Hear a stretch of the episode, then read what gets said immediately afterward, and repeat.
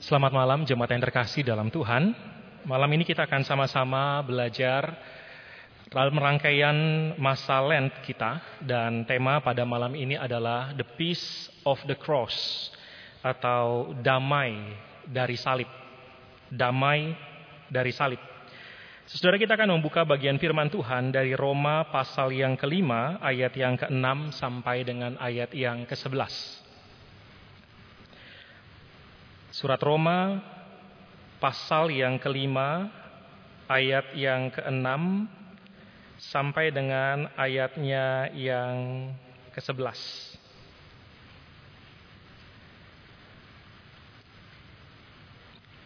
Demikian firman Tuhan, Roma pasal 5 ayat 6 sampai dengan ayat 11. Karena waktu kita masih lemah, Kristus telah mati untuk kita orang-orang durhaka, pada waktu yang ditentukan oleh Allah.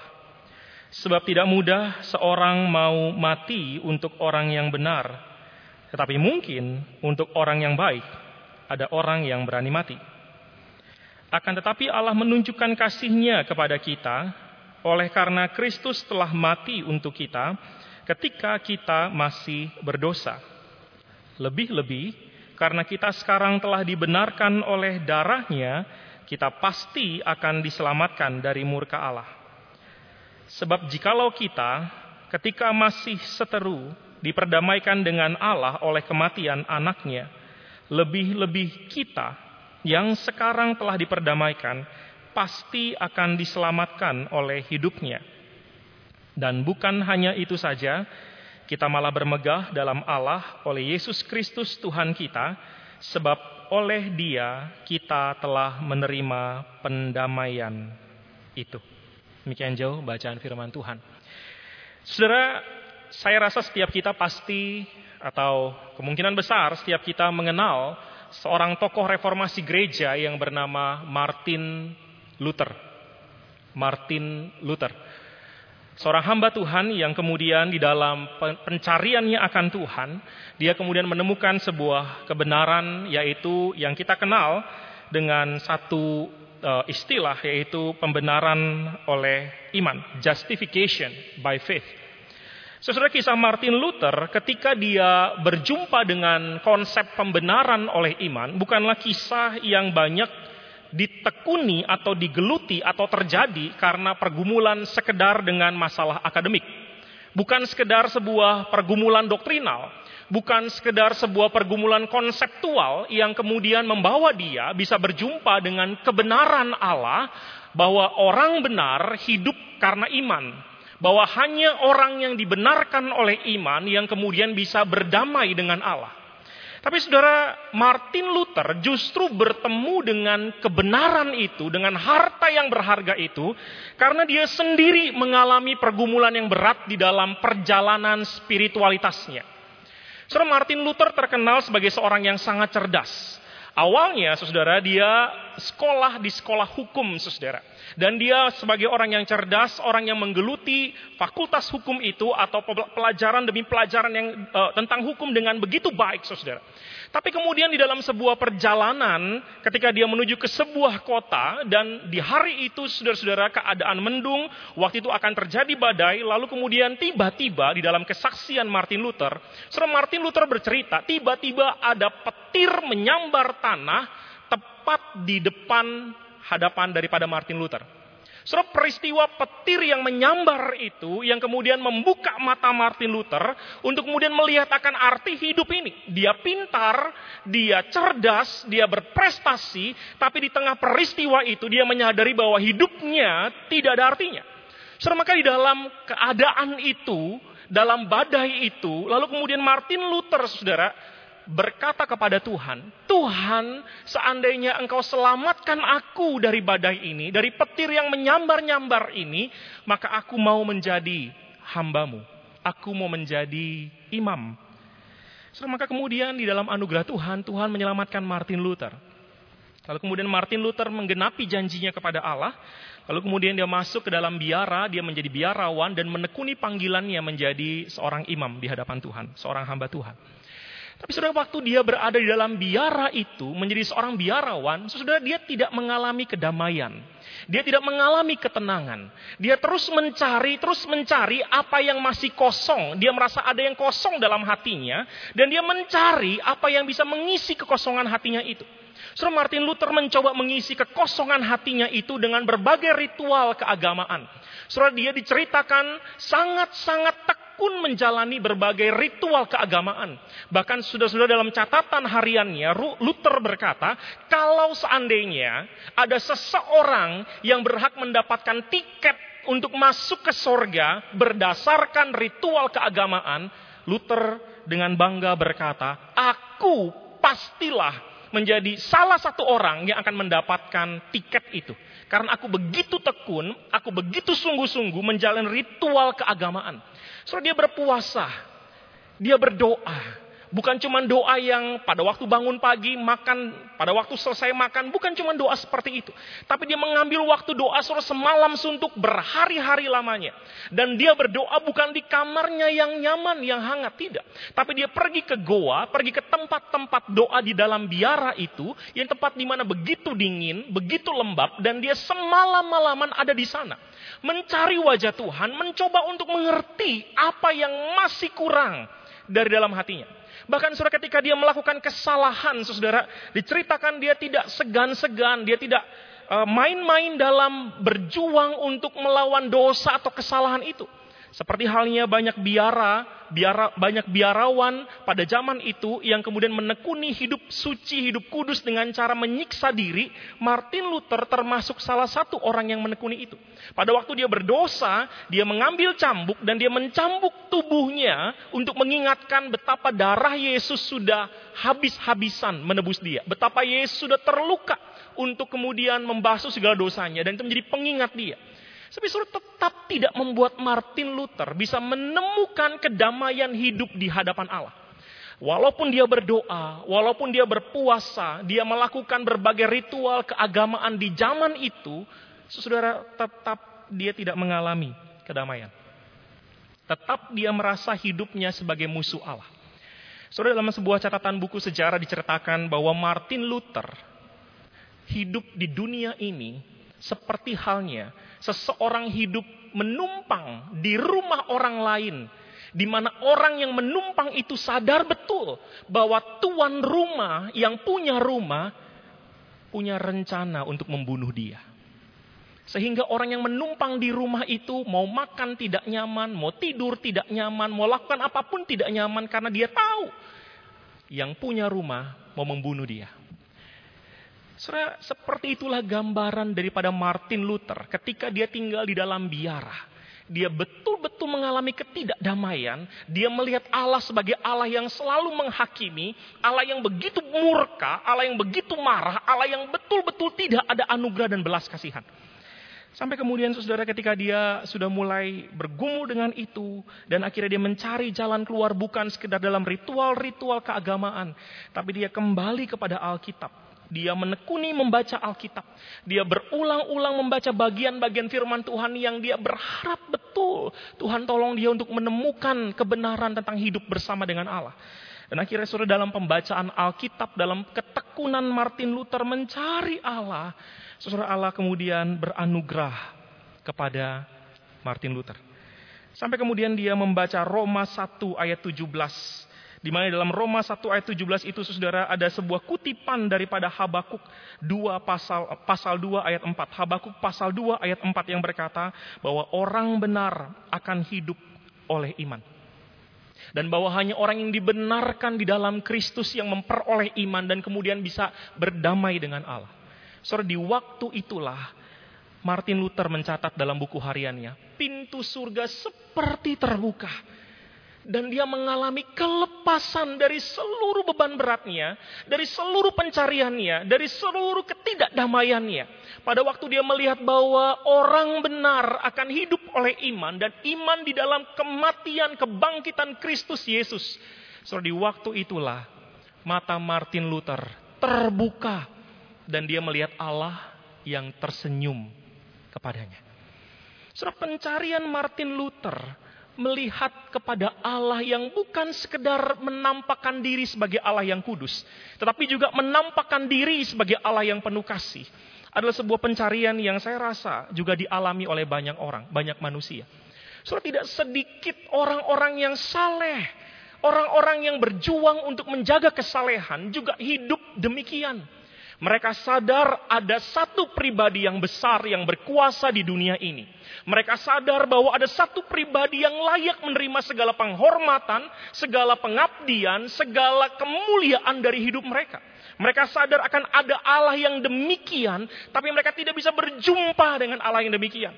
Sekalipun mereka sudah melakukan berbagai kesalehan demi kesalehan, berbagai ritual demi ritual, tetap dalam hatinya merasakan ada sesuatu yang kosong tetap merasakan ada sesuatu yang tidak masuk, ada sesuatu yang tidak bisa memenuhi hidupnya. Dan itu menjadi sebuah bagian yang dialami oleh begitu banyak orang-orang yang menjaga hidupnya saleh di tengah dunia ini. Sekalipun memang sudah ada banyak orang yang tidak peduli kepada Allah. Sekalipun ada begitu banyak gambaran manusia yang bertolak belakang dengan Martin Luther.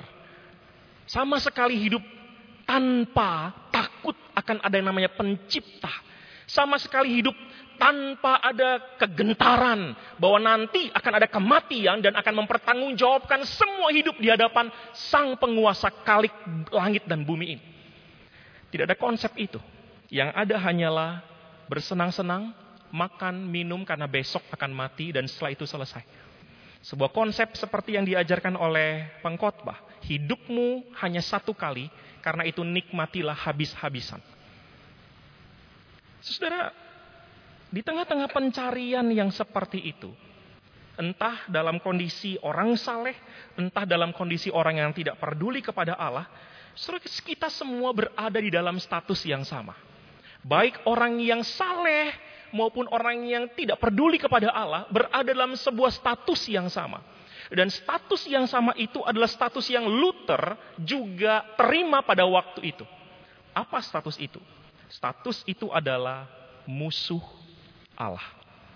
Mereka yang saleh, mereka yang tidak saleh, mereka yang melakukan ritual agama, mereka yang tidak peduli dengan agama, mereka yang hidup seperti Martin Luther, atau mereka yang tidak hidup sama sekali seperti Martin Luther, sama-sama dalam kondisi, dalam status yang sama, identitas yang sama, yaitu musuh Allah. Kenapa demikian? Karena sebelum orang-orang percaya kepada Yesus Kristus sebagai juru selamat, sebelum mereka menerima Kristus sebagai satu-satunya Tuhan yang menebus dosa mereka, so maka mereka adalah musuh Allah karena dosa yang kita orang Kristen yakini, dosa asal dari Adam dan Hawa itu turun temurun ada dalam semua manusia. Dan tidak ada satu ritual keagamaan pun, tidak ada satu tindakan kesalehan pun yang dapat menyelesaikan dosa asal itu. Dosa keturunan itu. Dosa yang diwariskan oleh Adam dan Hawa kepada semua manusia. Saudara, maka di tengah-tengah kondisi itu, kita orang yang berdosa, musuh Allah, adalah orang-orang yang dipenuhi, dikuasai oleh dosa. Saudara, kita bukan berdosa karena kita berbuat dosa tetapi kita berbuat dosa karena memang kita adalah seorang pendosa. Sekalipun kita tidak atau menjaga hidup untuk tidak berbuat dosa, tetap status itu sebelum kita mengenal Allah, sebelum kita percaya pada Yesus, tetap statusnya adalah musuh Allah. Sehingga kecenderungan kita sebenarnya adalah memberontak kepada Allah, kecenderungan kita adalah menjadikan sesuatu sebagai berhala, sebagai ilah yang kita sembah dan kita tidak tunduk menyembah kepada Allah yang benar. Dan di dalam kecenderungan itu, saudara, dalam kondisi yang demikian, kita tidak akan pernah dapat mengubah status kita. Sekali lagi, sebelum kita percaya pada Yesus, seluruh tindakan keagamaan kita, seluruh kesalehan kita, seluruh amal baik kita tidak akan pernah mengubah status kita sebagai musuh Allah. Tidak akan pernah mengubah dosa warisan itu, dosa keturunan, dosa asal itu yang diwariskan dari Adam dan Hawa kepada kita. Kita tetap sebagai musuh Allah. Bahkan sekalipun kita berargumen, bukankah saya sudah berbuat baik? Bukankah saya sudah melakukan segala tindakan kesalehan?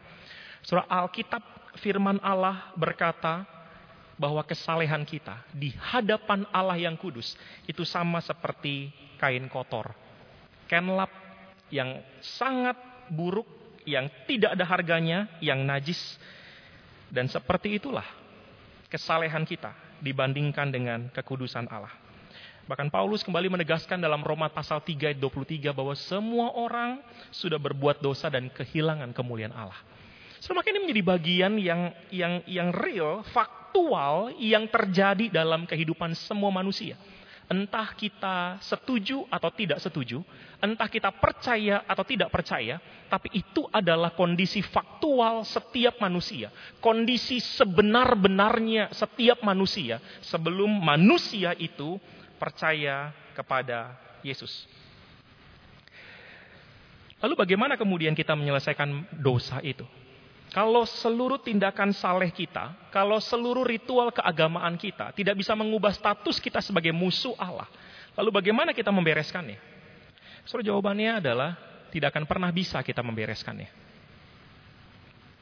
Kalau bukan karena Allah yang berinisiatif mengutus Yesus Kristus anaknya yang tunggal datang ke dalam dunia ini, maka kita akan terus hidup sebagai musuh Allah. Dan sebagai musuh Allah, akhir daripada perjalanan kita cuma satu, yaitu dihukum dalam kekekalan. Tapi puji Tuhan, saudara, Allah berinisiatif mengasihi saudara dan saya. Allah berinisiatif untuk mencintai kita. Dan itulah yang Paulus gambarkan dalam bagian Roma yang baru saja kita baca. Saudara kalau saudara membaca dan melihat Roma pasal 5 ayat 6 sampai 11 tadi, saudara berkali-kali Paulus mengulang menegaskan status kita. Kalau saudara lihat di ayat yang ke-6, Paulus berkata, kita masih lemah. Lemah bukan karena tubuh kondisi lemah, karena ada sakit penyakit, atau karena masalah disabilitas tubuh kita, bukan.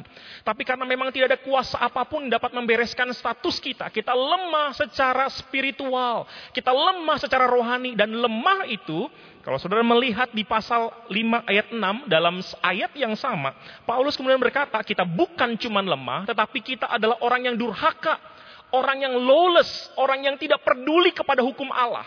Saudara, maka itu adalah gambaran kita yang Paulus kemudian nyatakan. Ayat 7, Paulus kemudian mulai kembali membukakan lebih jelas apa yang dimaksud dengan durhaka. Saudara kalau membaca ayat yang ketujuh mungkin agak unik ya. Karena di situ seperti ada sebuah perbandingan di mana Paulus seperti berkata bahwa untuk orang yang benar, uh, bahwa untuk orang yang benar tidak mudah ada orang yang mau mati untuk orang yang benar, tetapi untuk orang yang baik mungkin ada orang yang berani mati. Sebenarnya ini sebuah sebuah pernyataan yang sangat umum pada zaman itu. Sebuah perkataan yang sangat umum tapi perkataan ini atau kalimat ini sebenarnya adalah sebuah kalimat sarkas. Kalimat yang dipakai untuk menyindir kita, untuk membuat kita bertanya. Kalau tidak mudah orang mati untuk orang benar, kalau tidak mudah seorang mau mati untuk orang yang benar, maka artinya tidak ada orang yang akan mati buat saudara dan saya. Kenapa? Karena kita bukan orang benar.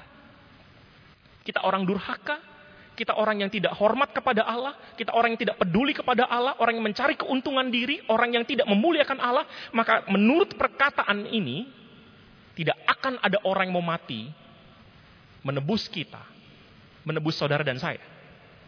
Tapi sarkas ini atau kalimat yang menyindir ini tidak berhenti cuma bicara soal status kita benar atau tidak benar. Tapi kemudian Paulus berkata, tetapi mungkin untuk orang yang baik ada orang yang berani mati. Dan ini pun adalah sebuah kalimat yang menyindir yang membuat yang membuat orang untuk bertanya pada dirinya, apakah engkau termasuk orang yang baik? Apakah kita termasuk orang yang baik? Yang untuk kita ada orang lain yang berani mati buat kita. Saudara tentu yang namanya baik itu sangat-sangat relatif. Saya baik di mata anak saya, tapi belum tentu saya baik di mata anak orang lain, saudara. Sangat relatif. Sangat berhubungan dengan kepada siapa, dengan cara apa, dan apa yang engkau lakukan untuk menunjukkan kebaikanmu. Sangat relatif. Tapi Paulus berkata, di dalam keadaan yang sangat relatif itu pun, mari bertanya. Apakah kita termasuk orang baik? Saudara, Paulus menggunakan kalimat ini sebenarnya mau menjelaskan tentang durhaka. Durhaka itu artinya engkau tidak benar, engkau juga tidak baik. Sehingga Yesus Ketika dia mati buat kita, dia mati di dalam ketidaklayakan kita sebagai orang yang tidak benar dan sebagai orang yang tidak baik. Ayat 8 berkata, ketika kita masih berdosa. Ayat 10 berkata, ketika kita masih seteru Allah. Berdosa, berbicara soal hidup yang kemudian tidak sesuai dengan tujuan kehendak Allah Seteru berbicara tentang relasi kita yang adalah musuh di mana kita membenci Allah habis-habisan. Sering ini menjadi sebuah bagian yang Paulus berulang-ulang tegaskan dalam bagian ini. Untuk membuka mata kita melihat betapa tidak layaknya kita. Betapa tidak pantasnya kita menerima anugerah Allah lewat kematian Yesus di kayu salib.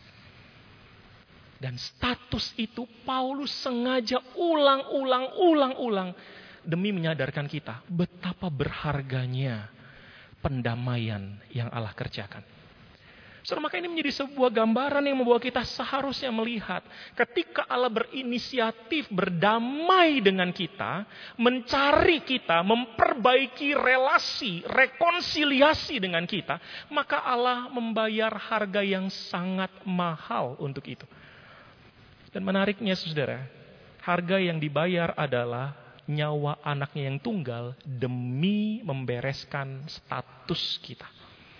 Saudara menjadi sebuah gambaran yang sangat unik karena perdamaian, karena rekonsiliasi, karena pendamaian yang Allah lakukan bukanlah rekonsiliasi seperti di sinetron. Yang pura-pura di luarnya tampak indah, tapi sebenarnya semua hanya settingan. Bukan. Rekonsiliasi atau pendamaian yang kemudian dikerjakan oleh Allah di dalam diri Yesus bukan juga rekonsiliasi atau pendamaian seperti partai politik. Yang pada waktu pilkada, pada waktu pilpres ributnya minta ampun, tapi setelah pilpres, setelah pilkada selesai bisa berjabat tangan bergandengan seolah-olah tidak ada sesuatu yang terjadi pada waktu pilkada dan pilpres. Soal rekonsiliasi atau pendamaian yang Allah lakukan adalah sesuatu yang sejati sesuatu yang membawa kita melihat inilah gambaran perdamaian, pendamaian yang sesungguhnya. Bahwa damai yang dihasilkan oleh salib itu adalah damai yang sungguh-sungguh Allah kerjakan karena Allah mencintai kita. Allah membayar harga yang mahal. Dan harga yang mahal dibayar oleh Allah untuk membereskan masalah paling utama Masalah kita bukan masalah moralitas. Masalah manusia bukan masalah etika. Masalah manusia bukan masalah tentang eksistensi kita. Bukan. Tapi masalah kita adalah masalah spiritualitas, masalah dosa, dan tidak ada satupun orang yang dapat menyelesaikan masalah itu. Dan Allah mengerjakan itu, menyelesaikan itu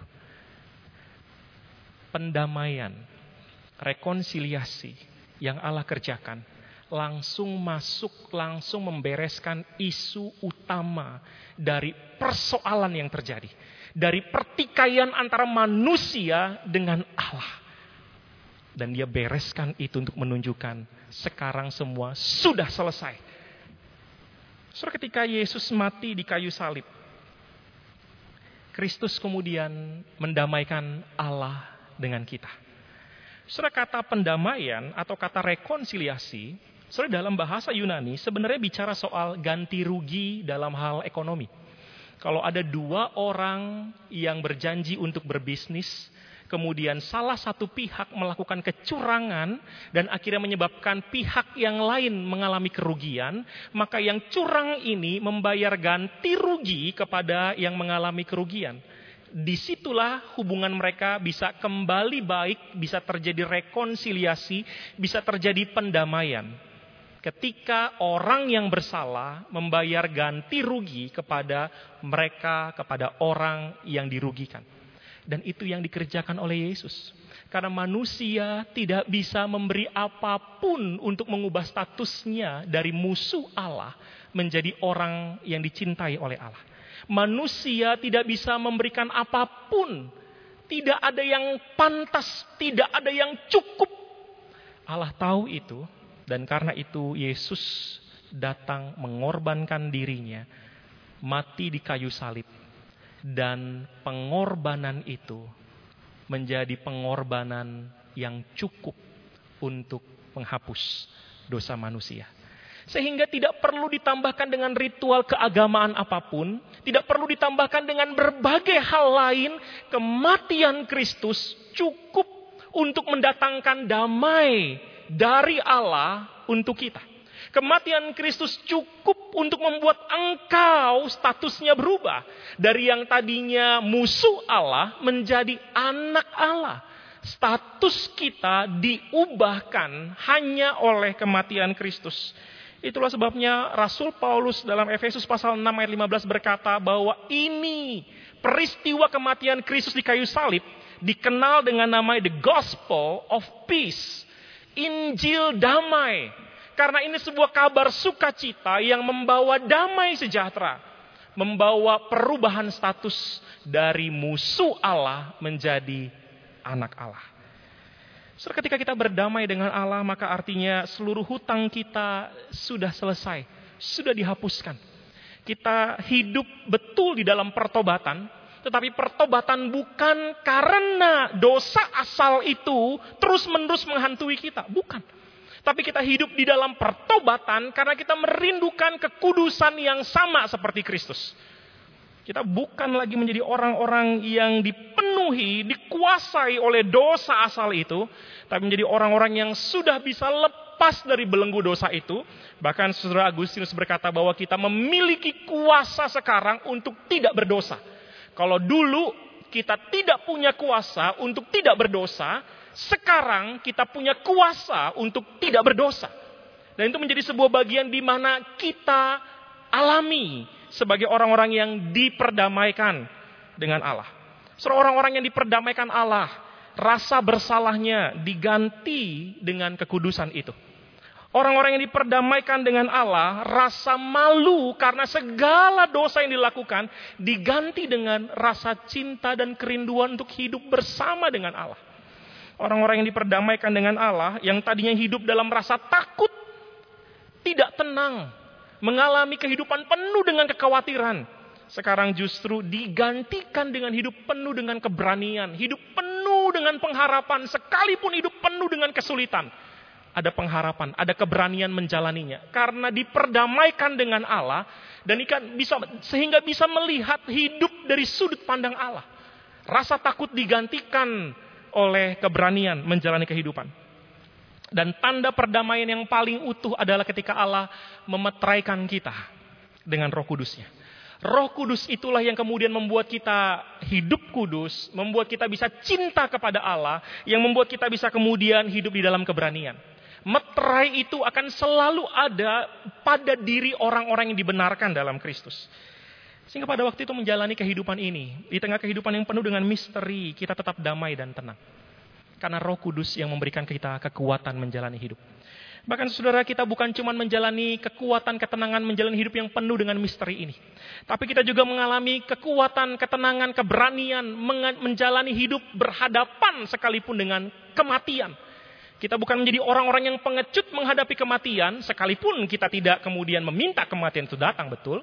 Tapi kita bukan lagi menjadi orang-orang yang pengecut menghadapi kematian. Kita bisa menghadapi kematian dengan heroik, dengan keberanian. Kenapa? Karena meterai roh kudus itu ada dalam hidup kita dan memberikan kita kepastian keselamatan. Bukan karena kesalehan, bukan karena amal baik, tapi karena meterai dari Allah kepada kita yang dibenarkan yang sudah menjadi anak Allah dan meterai itu adalah Roh Kudus sendiri yang memberikan ketenangan, kekuatan, kepastian menjalani hidup sekalipun berhadapan dengan kematian. Orang yang mengalami meterai dari Roh Kudus dan berdamai dengan Allah juga akan berdamai dengan dirinya sendiri. Dia akan melihat masa lalunya yang gagal, bukan lagi sebagai bagian daripada identitas yang menentukan hidupnya. Dia melihat kegagalan itu sebagai bagian di mana Allah turut bekerja mendatangkan kebaikan. Dia melihat seluruh bagian kehidupannya bahkan keberhasilannya sekalipun sebagai cara untuk memuliakan Allah. Sebab segala sesuatu adalah dari dia, oleh dia, dan bagi dia. Untuk dialah kemuliaan sampai selama-lamanya. Orang-orang yang kemudian hidup berdamai dengan Allah, orang yang tenang hidup berdasarkan standar Allah. Bukan berarti kita antisosial, tidak mendengar komunitas. Tidak mendengar apa yang menjadi masyarakat, masukan dari orang lain, bukan. Tapi kita menjadi orang-orang yang hidup berdasarkan hikmat Allah karena Roh Kudus itu menjadi meterai dalam hidup kita. Sehingga respon kita terhadap kritik masukan, perkataan orang menjadi respon yang dipimpin oleh Roh Kudus. Karena sekarang kita sudah berdamai dengan Allah, kita tidak lagi hidup dalam ketakutan standar manusia, ukuran manusia. Tapi kita hidup dituntun oleh hikmat Allah. Dan yang terakhir, hidup berdamai dengan Allah juga artinya kita memiliki kekuatan untuk berdamai dengan orang lain. Seperti yang tadi saya katakan, saudara, pola Allah berdamai dengan kita adalah pola di mana kita juga belajar berdamai dengan diri sendiri, berdamai dengan orang lain. Pola kita berdamai dengan diri sendiri artinya kita lihat apa yang menjadi masalah terbesar dan kita tidak keliling-keliling melihat masalah terbesar itu, tapi kita langsung deal dengan masalah dalam hidup kita. Dan kita membawa masalah itu kepada Allah, meminta pertolongan Allah membereskan masalah itu. Demikian juga pada waktu kita berdamai dengan orang lain. Kita tidak keliling-keliling sesudah mencari excuse ini, excuse itu, alasan ini dan segala hal tidak. Tapi kita di dalam anugerah Allah diberikan kedamaian karena ada Roh Kudus dalam hati kita untuk menghadapi pergumulan, persoalan yang sebenarnya terjadi antara saya dengan dia, antara dia dengan saya. Tuhan memanggil kita bukan menjadi peacekeeper, penjaga perdamaian. Seorang penulis buku memperbandingkan antara peacekeeper dengan peacemaker, penjaga perdamaian dengan pembawa damai. Orang-orang yang hanya bertugas menjaga damai, penulis buku ini menggambarkan seperti orang yang menyapu rumah, menemukan sampah, lalu kemudian menyapu sampah itu ke bawah karpet. Lantai terlihat bersih, lantai terlihat rapi, tidak ada sampah, tapi sebenarnya sampah itu ada di bawah karpet. Penulis buku itu berkata, seperti itulah peacekeeper. Orang-orang yang menjaga damai. Tidak mau konflik. Tidak mau ada pertentangan. Tapi sebenarnya tidak menyelesaikan masalah yang terjadi. Dan sering kali itu yang terjadi dalam hidup berumah tangga. Kita mengabaikan konflik, kita males konflik, dan akhirnya saudara masalah itu menumpuk dari sekian persen sampai begitu banyak, begitu besar sampai kira kita nggak bisa lagi bereskan. Karena kita menumpuk sampah itu di bawah karpet. Hidup terlihat damai. Rumah tangga terlihat rukun. Tapi sebenarnya banyak sampah. Bukan itu panggilan orang Kristen. Bukan itu rekonsiliasi, perdamaian yang Allah inginkan dan yang Allah nyatakan, yang Allah buktikan kepada kita. Relasi kita dengan Allah bukan relasi disampul yang terlihat bagus, tidak. Allah menembus ke dalam, membereskan yang paling mas, per, membereskan masalah yang paling besar dalam hidup kita, yaitu dosa. Allah menjadi peacemaker, pembawa damai buat kita. Dan seperti itulah harusnya kita. Seperti itulah harusnya engkau di rumah tanggamu. Seperti itu seperti itulah harusnya engkau di tempat kerjamu. Seperti itulah harusnya engkau di tempat pelayananmu. Seperti itulah harusnya engkau di komunitas masyarakat di mana engkau ada. Menjadi seorang peacemaker, pembawa damai. Bukan orang yang mengumpulkan kotoran lalu menyimpan di bawah karpet. Tapi orang yang kemudian mengumpulkan kotoran itu, melihat ada kotoran, menyapu kotoran itu dan membuat kotoran itu menyapunya keluar dari rumah. Keluar dari pintu. Sehingga akhirnya rumah atau ruangan itu betul bersih. Bukan cuma terlihat bersih. Tapi betul-betul bersih. Menjadi peacekeeper jauh lebih mudah daripada menjadi peacemaker. Menjaga kedamaian jauh lebih mudah daripada membawa damai. Allah nyatakan itu. Allah tunjukkan itu. Demi membawa damai kepada dunia ini. Harganya mahal anak Allah yang tunggal mati untuk engkau dan saya. Demi membawa kedamaian dalam keluargamu, dalam tempat kerjamu, dalam gereja, dalam komunitas masyarakat di mana engkau berada. Harganya mahal. Tidak nyaman. Ada pengorbanan yang betul harus dibayar. Sakit. Tapi kita sedang menempuh jalan salib yang sama. Seperti yang Yesus jalani. Menjadi pembawa damai. Bukan penjaga damai. Pertanyaannya buat kita. Dua. Satu. Sudahkah engkau hidup berdamai dengan Allah? Ataukah hidupmu penuh dengan ketakutan, ketidaktenangan, ketidakpastian? Kalau malam ini engkau belum berdamai dengan Allah, maukah engkau berdamai dengan Allah? Yang kedua, sudahkah engkau menjadi orang yang membawa damai? Bukan sekedar menjaga damai, tapi menyatakan ada sesuatu yang salah, membereskan itu, sekalipun sakit, sekalipun berat, sekalipun harganya mahal, tapi kita sedang menjalani perjalanan yang sama seperti Yesus Kristus.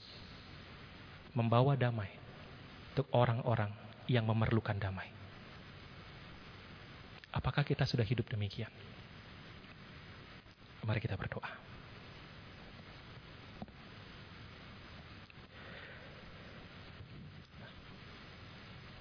Bapak kami yang di surga kami datang kepadamu dan berdoa menyerahkan seluruh pergumulan kami. Engkau yang tahu hidup kami. Engkau yang tahu keadaan kami. Apakah kami sudah berdamai dengan Engkau? Dan apakah kami sudah membawa damai ke tempat mana pun kami berada? Kami tidak dapat membohongi Engkau. Matamu melihat ke dalam hati kami. Engkau yang paling tahu jawabannya. Dan malam ini kami berdoa. Biarlah damai dari Allah hadir dalam hati kami Damai dari Allah hadir dalam keluarga kami. Damai dari Allah hadir dalam tempat kerja kami. Damai dari Allah hadir dalam tempat kuliah sekolah kami. Damai dari Allah hadir dalam relasi kami, dalam gereja kami, dalam bangsa dan negara kami, dalam dunia ini. Dan pakai kami untuk membawa damai itu. Terima kasih Bapak. Kami berdoa dalam nama Yesus.